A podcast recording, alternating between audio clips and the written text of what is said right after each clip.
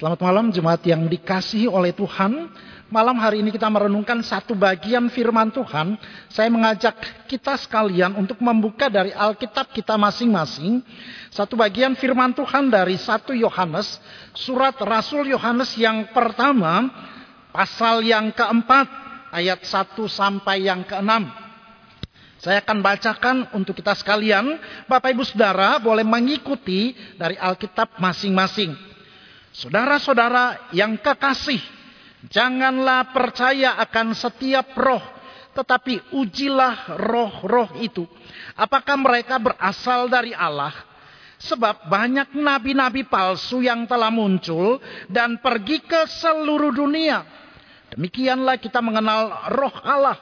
Setiap roh yang mengaku bahwa Yesus Kristus telah datang sebagai manusia berasal dari Allah dan setiap roh yang tidak mengaku Yesus tidak berasal dari Allah. Roh itu adalah roh antikristus dan tentang dia telah kamu dengar bahwa ia akan datang dan sekarang ini sudah ada di dalam dunia. Kamu berasal dari Allah, anak-anakku, dan kamu telah mengalahkan nabi-nabi palsu itu. Sebab roh yang ada di dalam kamu lebih besar daripada roh yang ada di dalam dunia. Mereka berasal dari dunia. Sebab itu mereka bicara tentang hal-hal duniawi dan dunia mendengarkan mereka. Kamu berasal dari Allah. Kami berasal dari Allah. Barang siapa mengenal Allah, ia mendengarkan kami Barang siapa tidak berasal dari Allah, ia tidak mendengarkan kami. Itulah tandanya roh kebenaran dan roh yang menyesatkan. Demikian jauh pembacaan firman Tuhan bagi kita sekalian pada malam hari ini. Bapak Ibu Saudara yang dikasihi dalam Tuhan Yesus. Gereja di sepanjang sejarah selalu mengalami ancaman. Ancaman yang datang kepada gereja itu bisa berasal dari luar atau dari dalam gereja. Ancaman-ancaman dari luar antara lain itu seperti tindakan-tindakan intimidasi, penganiayaan gereja Tuhan. Dan sejak gereja mula-mula, gereja mengalami penganiayaan, intimidasi yang begitu luar biasa. Namun ketika ada penganiayaan, ketika ada intimidasi-intimidasi seperti ini, tidak membuat gereja lalu mati. Namun justru gereja semakin hari semakin merambat. Ancaman yang kedua yang dihadapi gereja sepanjang sejarah gereja, selain dari luar juga dari dalam. Salah satunya itu menyusupnya ajaran-ajaran palsu pengajar-pengajar palsu, guru-guru palsu yang ada di tengah-tengah jemaat Tuhan yang menghancurkan gereja secara perlahan-lahan. Jikalau orang-orang Kristen, orang-orang percaya tidak peka akan keadaan seperti ini, maka itu akan membawa orang-orang Kristen, membawa orang-orang percaya melenceng daripada kebenaran Tuhan. Bapak, Ibu, dan saudaraku yang dikasih dalam Tuhan, kalau kita melihat ancaman yang datang kepada gereja, baik dari dalam maupun dari luar, yang paling bahaya menurut saya itu ancaman yang datang dari dalam. Penyusup-penyusup, guru-guru palsu, pengajar-pengajar sesat yang datang dengan pengajaran-pengajaran mereka yang berusaha mempengaruhi gereja Tuhan, mempengaruhi orang-orang percaya mereka datang dengan tindakan mereka seakan-akan mereka membawa berita daripada Allah. Namun mereka sedang memutarbalikan kebenaran. Dan hal itu sudah dialami sejak gereja mula-mula. Yohanes juga mengalami hal yang sama. Bapak Ibu ketika kita baca tadi di dalam 1 Yohanes pasal yang keempat. Ayat 1 sampai yang keenam.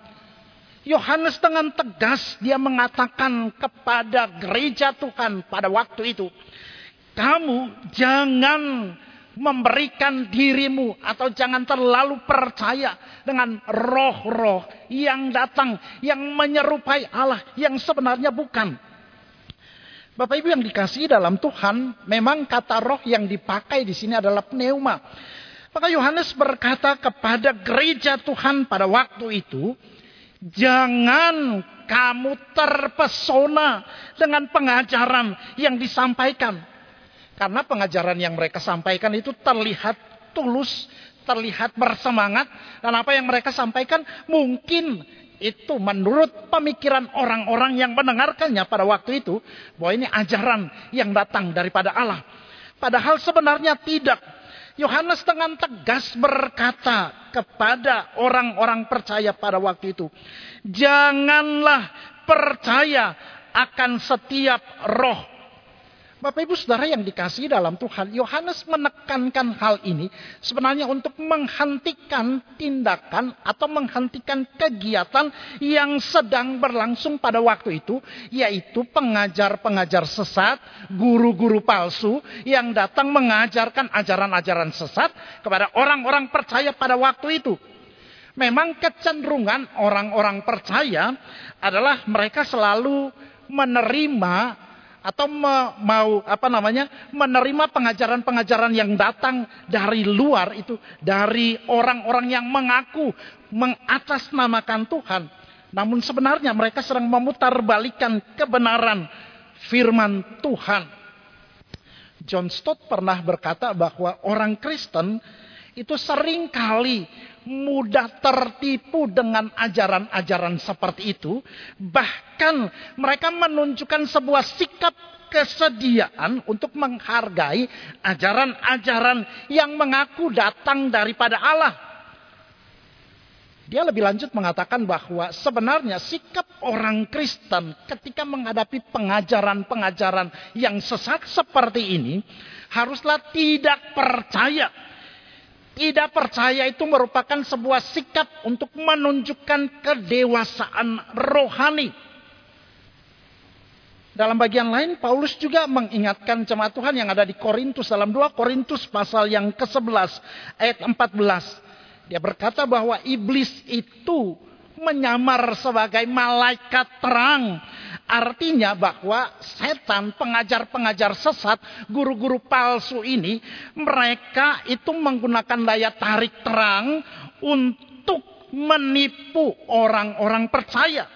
Ya ingin supaya pengajarannya itu mendapat tempat di hati jemaat-jemaat, di hati orang-orang yang dia sampaikan pengajaran itu, maka dia dengan sekuat tenaga mengajar. Bahkan mungkin mereka bisa melakukan tanda-tanda mujizat. Tanda-tanda mujizat yang notabene merupakan sebuah pengalaman yang hebat yang menyatakan bahwa mungkin ini berasal daripada Allah. Padahal sebenarnya tidak. Ini yang ditekankan oleh Yohanes kepada orang-orang percaya pada waktu itu. Setan berusaha menarik orang-orang percaya untuk mengikuti pengajaran-pengajaran mereka. Saya percaya pada waktu itu kalau setan, ya namanya setan, itu setan itu kan kadangkala digambarkan sebagai yang hitam, yang gelap begitu ya. Bukan berarti bahwa saya hitam begini lalu dikategorikan sebagai hitam, bukan ya. Kalau datang dengan pengajaran-pengajaran yang sesat, yang gelap seperti itu mungkin orang-orang tidak mudah percaya. Tapi ketika dia menyamar sebagai malaikat terang, menyatakan sebuah kebenaran menurut mereka, kebenaran dalam tanda petik, maka itu akan terpesona orang-orang yang mendengarkan apa yang dia sampaikan. Ini merupakan sebuah tanda bahaya bagi gereja. Maka Yohanes meneruskan nasihatnya kepada orang-orang percaya. Dia berkata, jangan mudah percaya. Jangan mudah terpesona dengan setiap roh yang datang. Lalu dia memberikan sebuah nasihat kepada orang-orang percaya pada waktu itu. Dia berkata, tetapi ujilah roh-roh itu. Apakah mereka berasal dari Allah ataukah tidak? Bapak ibu saudaraku yang dikasih dalam Tuhan, Yohanes berkata kepada orang-orang percaya pada saat itu untuk menguji roh-roh itu.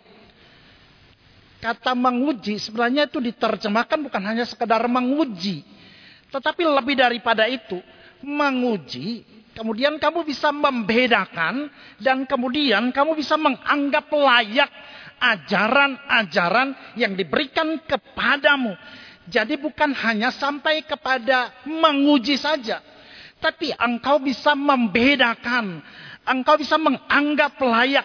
Apakah roh itu ataukah pengajaran-pengajaran itu layak dipercaya atau tidak. Ini harus diuji lewat kebenaran firman Tuhan.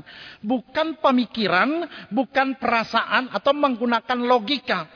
Hari Minggu kemarin kita mendengarkan khotbah yang disampaikan oleh G.I. Sui mengatakan bahwa ketika murid-murid dalam masa penantian turunnya Roh Kudus, lalu mereka berada dalam satu ruangan, mereka memilih murid untuk mengganti Yudas dan mereka pakai cara mengundi. Itu tidak bisa dipakai untuk semua pemilihan. Cara itu tidak bisa dipakai kita bisa uh, tidak bisa mengeneralisasikan satu cara itu untuk semua cara. Nah, sama dengan ketika kita menghadapi pengajar-pengajar sesat. Mereka sering kali mengungkapkan mujizat-mujizat sebagai fenomena-fenomena yang mereka buat untuk apa? Untuk menarik orang percaya. Bapak Ibu yang dikasih dalam Tuhan beberapa tahun yang lalu, itu ada satu pengajaran yang cukup berkembang yaitu doa Yabes. Doa Yabes dalam um, satu Tawarik pasal 4 ayat yang ke-10 itu di, sering kali itu dipakai sebagai formula orang berdoa untuk minta berkat. Kiranya engkau memberkatiku dengan berlimpah-limpah, engkau memperluas daerahku dan itu dipakai untuk apa? Semua orang berdoa minta berkat, tidak semua seperti itu. Maka harus diuji lewat apa? Lewat kebenaran firman Tuhan. Dengan tegas Yohanes berkata, "Ujilah setiap roh-roh itu apakah mereka berasal dari Allah atau tidak. Kenapa? Karena kebenaran tidak bisa dibangun hanya berdasarkan mujizat. Kebenaran tidak bisa dibangun hanya berdasarkan pemikiran, hanya berdasarkan perasaan, atau hanya berdasarkan logika saja. Logika yang mungkin menurut sebagian orang itu masuk akal. Tidak seperti demikian. Semua harus dinilai, semua harus diukur lewat kebenaran firman Tuhan. Maka Yohanes lebih lanjut dia berkata kepada mereka supaya pengajaran pengajaran yang disampaikan oleh guru-guru palsu ini tidak mendapat tempat dalam kehidupan gereja Tuhan. Bapak Ibu Saudara yang dikasih dalam Tuhan, orang-orang Yahudi di kota Berea pun ketika Paulus datang dan mengajar mereka, memberitakan firman Tuhan kepada mereka. Mereka pun mengujinya melalui apa? Kebenaran firman Tuhan. Kita bisa baca dalam kisah para rasul pasal 17 ayat yang ke-11. Ketika orang-orang Kristen di Berea, mereka menyelidiki ajaran Paulus di dalam terang firman Tuhan. Ini merupakan sebuah acuan juga bagi kita menguji roh-roh itu di dalam apa? Kebenaran firman Tuhan. Oleh sebab itu, Yohanes memberikan beberapa nasihat praktis dalam ayat-ayat selanjutnya. Dia berkata, Demikianlah kita mengenal roh Allah. Setiap roh yang mengaku bahwa Yesus Kristus telah datang sebagai manusia berasal dari Allah. Dan setiap roh yang tidak mengaku Yesus tidak berasal dari Allah. Dia mulai memberikan sebuah pengajaran kepada orang-orang Kristen pada waktu itu. Supaya apa? Mereka tetap teguh berpegang kepada iman dan pengajaran yang sudah diajarkan oleh rasul-rasul pada waktu itu. Tentang Yesus Kristus sebagai anak Allah yang hidup. Waktu itu memang pengajaran yang cukup berkembang. Dalam gereja mula-mula adalah gnostik di mana salah satunya itu mereka tidak mengakui bahwa Yesus Kristus sebagai satu-satunya jalan keselamatan. Keselamatan itu hanya eh, Yesus Kristus hanya merupakan salah satu alat yang Tuhan pakai untuk menyatakan keselamatan. Nah, ini yang mau disampaikan oleh Yohanes. Dia berkata bahwa kalau ada orang yang berkata Yesus ya tidak berasal dari Allah, maka dia tidak berasal dari Allah. Dengan tegas, Yohanes katakan demikian. Dia ingin menyampaikan kepada orang-orang percaya bahwa ketika kamu mendengarkan kalau ada orang yang berkata demikian, memakai nama Yesus, perhatikan apakah dia mau mencari keuntungan bagi dirinya sendiri. Beberapa hari yang lalu saya dengan istri saya kami nonton televisi dan kami lihat ada satu siaran uh, acara itu mengisahkan tentang ada seorang pastor di Afrika Selatan yang punya jemaatnya begitu banyak dan ternyata saya lihat, saya ikuti apa yang dia kerjakan dan dia lakukan. Dia memakai nama Yesus hanya untuk apa? Untuk memuaskan keinginan dia. Dan dia memakai itu untuk meminta orang-orang memberikan persembahan kepadanya.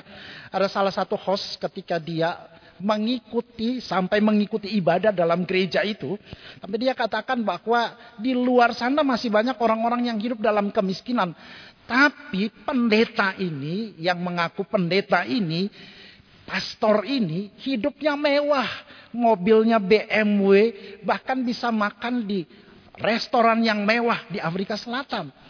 Dan ini menjadi sebuah dilema. Sampai dia berkata bahwa apakah orang Kristen seperti itu? Dan saya melihat bahwa memang dia hanya memakai nama Yesus untuk memuaskan keinginan dia.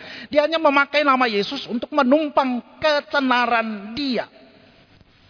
Sampai host itu berkata bahwa pastor ini sudah lebih dari seorang selebriti. Bapak Ibu yang dikasih oleh Tuhan pengajaran-pengajaran sesat banyak sekali berkembang. Maka Yohanes kemudian melanjutkan. Dia berkata, kamu berasal daripada Allah. Ini sebuah pernyataan yang Yohanes sampaikan kepada orang-orang Kristen, meyakinkan mereka bahwa mereka itu berasal dari Allah. Karena mereka berasal dari Allah, dia mengingatkan mereka bahwa roh yang ada di dalam dirimu itu jauh lebih besar daripada roh yang ada di dalam dunia. Artinya, dia mau mengatakan kepada mereka bahwa roh kebenaran yang ada di dalam kehidupan orang-orang percaya, orang-orang Kristen, memampukan mereka untuk bisa membedakan roh yang dari Allah dan roh yang dari dunia ini. Roh Kudus, roh kebenaran yang sudah diberikan kepada orang-orang Kristen itu harusnya menjadi sebuah jaminan, menjadi sebuah kekuatan bagi orang-orang percaya. Sehingga tidak mudah percaya kepada pengajaran-pengajaran yang disampaikan oleh guru-guru palsu, yang disampaikan oleh pengajar-pengajar sesat ini. Kenapa? Karena roh yang ada di dalam kamu jauh lebih besar daripada roh yang ada di dalam dunia. Dan roh kebenaran itu bukan saja dicurahkan, diturunkan kepada para murid, kepada jemaat mula-mula, gereja mula-mula. Tapi itu juga diberikan kepada engkau dan saya hari ini. Ketika kita percaya kepada Tuhan dan mengaku bahwa dialah Kristus Tuhan dan Juru Selamat kita maka Roh Kudus akan menolong dan memampukan kita untuk hidup sebagai orang-orang percaya. Bapak, Ibu, dan saudaraku yang dikasih dalam Tuhan, dalam masa penantian peringatan akan turunnya Roh Kudus, hari Minggu nanti kita akan merayakan Pentakosta sebagai sebuah jaminan penyertaan janji Tuhan Tuhan Yesus sendiri berkata kepada para muridnya di dalam Yohanes pasal 14 ayat yang ke-16 dan 17. Aku akan minta kepada Bapa dan ia akan memberikan kepadamu seorang penolong yang lain supaya ia menyertai kamu selama-lamanya yaitu roh kebenaran. Ini adalah jaminan yang Tuhan Yesus katakan kepada para muridnya sebelum dia terangkat ke surga. Dan jaminan itu bukan saja kepada para muridnya pada waktu itu. Tapi kepada kita yang percaya bahwa kita juga akan diberikan roh kudus, roh kebenaran yang akan memimpin kehidupan kita selama-lamanya. Roh kebenaran itulah yang akan menuntun kita, yang akan menolong kita, sehingga kita mampu untuk membedakan manakah ajaran dari Allah, apa yang berasal dari Allah, dan manakah yang bukan berasal dari Allah. Roh kebenaran itulah yang akan terus menolong kita, memimpin kita. Dalam masa-masa seperti ini, biarlah Tuhan terus menolong kita, memampukan kita. Peristiwa turunnya Roh Kudus mengingatkan kita kembali bahwa janji Allah, janji Allah kepada kita semua tidak pernah berubah. Selalu ada dan menyertai kita. Dan biarlah dalam masa-masa ini kita terus dikuatkan oleh Tuhan untuk hidup di dalam kebenaran firman Tuhan. Belajar kebenaran firman Tuhan. Minta kekuatan dari roh kebenaran itu. Menolong kita, memampukan kita. Untuk bisa membedakan roh dari Allah dan roh dari dunia ini. Dan bukan saja membedakan, tapi menganggap layak dan menghidupinya dalam kehidupan beriman kita hari lepas hari. Mari kita tundukkan kepala dan kita berdoa.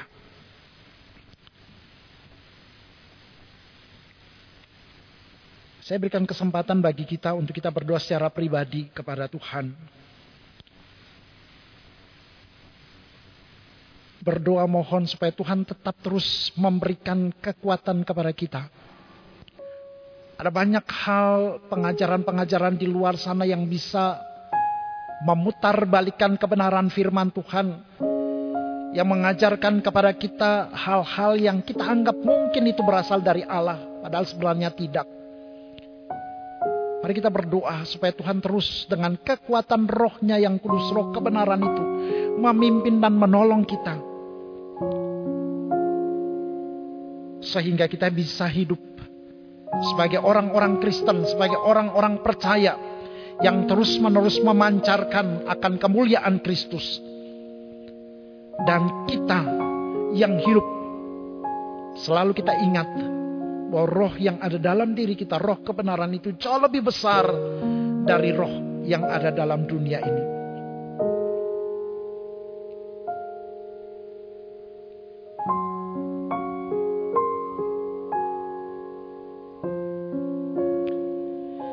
Bapa kami dalam kerajaan surga malam ini kami datang lagi kepadamu ya Tuhan.